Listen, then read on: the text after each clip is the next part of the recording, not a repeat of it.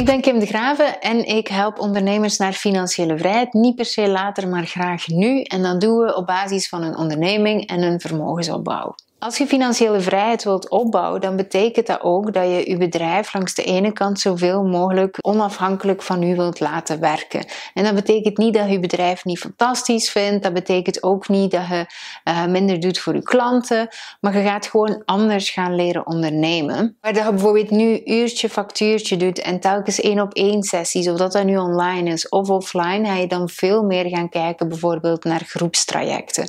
Een reden waarom dat we dat vaak niet doen is omdat we denken dat groepstrajecten ervoor zorgt dat je eigenlijk inboet in kwaliteit. Maar als er één ding is dat ik elke keer opnieuw heb gezien, is dat juist de groep zorgt voor veel grotere transformaties. Dat je veel meer kruisbestuiving hebt en zo verder. Bijvoorbeeld, een van mijn klanten die heeft vorige week besloten om haar prijs omhoog te doen.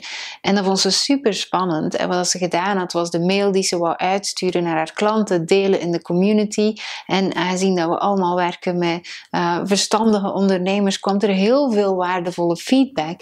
En doordat we die feedback hadden van de groep, van het collectief, was zij veel meer overtuigd van hoe dat haar brief dus anders kon gaan opstellen. Anders dan één op één, waar dat zij van mij dan alleen een antwoord krijgt en ik elke keer de energie moet geven, ja, is dat natuurlijk veel kwalitatiever. Want als zij bij mij komt en ik zit bijvoorbeeld iets minder in mijn vel, dan ga ik misschien minder goed naar die brief kijken. Dan ga ik misschien minder tijd erin steken. En ook, ze krijgt maar input van één iemand.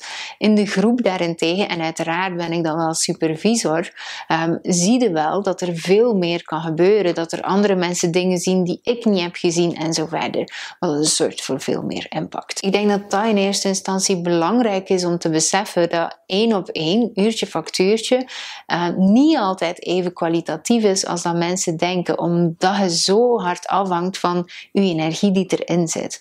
Dus de eerste mindshift dat je daarin mocht maken, om je bedrijf op te schalen is echt van hey, maar groepsprogramma's zijn eigenlijk veel sterker dan bijvoorbeeld één op één te gaan werken. Wat ik alleen vaak zie bij mensen die van uurtje factuurtje gaan naar een groepsmodel, is vaak dat ze daar niet voldoende over nadenken. Het is echt een andere werking.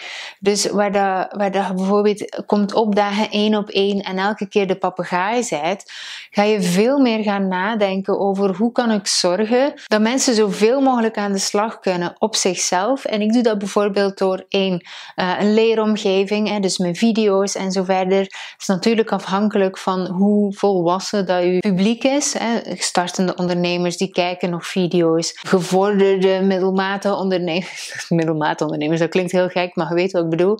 Die kijken ook nog wel video's. Maar als je echt die hele gevorderde ondernemers hebt, die kijken bijvoorbeeld zelden nog video's. Dus dat is een vrij belangrijke om te beseffen ook, dat daar nog een verschil in zit. Maar in de meeste gevallen kijken mensen dus echt nog gewoon video's. Daarnaast werk ik ook heel vaak met werkboeken. Ik heb er hier twee liggen. Um, dus ik zorg eigenlijk dat ze zelf aan de slag kunnen en dat veel vragen die ik heel vaak al stel, dat die eigenlijk verwerkt staan in mijn werkboek en dat ze daarmee aan de slag mee kunnen en dan ze echt specifieke oefeningen kunnen uitvoeren. Ik leg dan soms ook nog uh, bepaalde begrippen uit, dus er staat tekst in, zodat ze zelf al aan de slag kunnen met zaken die soms niet duidelijk zijn of weet ik veel zodat ik zo min mogelijk eigenlijk constant reactieve taken krijgt van mensen die iets niet begrijpen of zo verder. Dat ze dus echt begeleid worden door een bepaald traject, zoveel mogelijk automatisch. Dat is eigenlijk het eerste wat ik doe. Ten tweede ga ik zorgen dat de community er wordt in betrokken. Dat ze eigenlijk op de een of andere manier oefeningen krijgen van mij, waar dat ze de vaardigheden die ik wil dat ze leren, onderling gaan gaan oefenen. Uiteraard weer met supervisie, maar wel dat ze onderling veel sneller elkaar kunnen helpen. En de eerste maand is dat altijd zoeken. Maar bijvoorbeeld in de tweede en de derde en de vierde maand, ja, dat is echt geweldig. Dan zijt je eigenlijk niet meer nodig.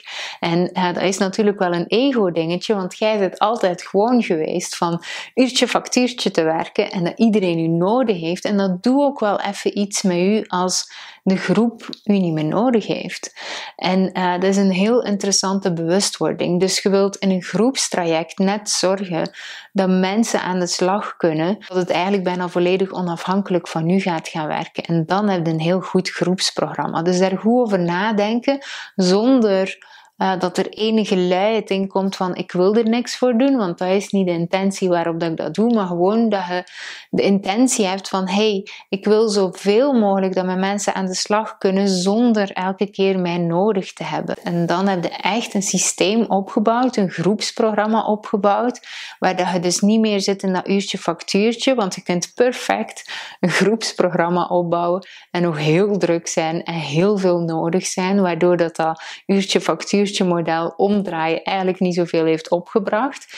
Maar je kunt het ook op een hele mooie manier doen, waar dat mensen veel meer resultaten hebben op veel kortere termijn. Dus als je echt wil stoppen met uurtje factuurtje, dan ga je net iets meer willen denken dan alleen maar, oh dan start ik maar een groepsprogramma, dan, maar dan wil je echt je fundering mooi bouwen, zodat je niet alleen zelf veel beter geholpen bent en minder tijd spendeert, maar dat je ook je klanten zo snel mogelijk van A naar B brengt. Ik had het daarnet al eerder gezegd, je bent minder nodig, dus dat doet ook iets met jezelf. En dat is een vorm van grenzen stellen, waar dat jij eigenlijk misschien nu op dit moment aan people pleasen bent en altijd beschikbaar bent voor je klanten, ga je dus overstappen naar grenzen stellen waar dat je veel meer ruimte krijgt voor jezelf. Ik heb daar een gratis training over. Die kunt je vinden in de omschrijving hieronder uh, of via kindgraven.be slash grenzen.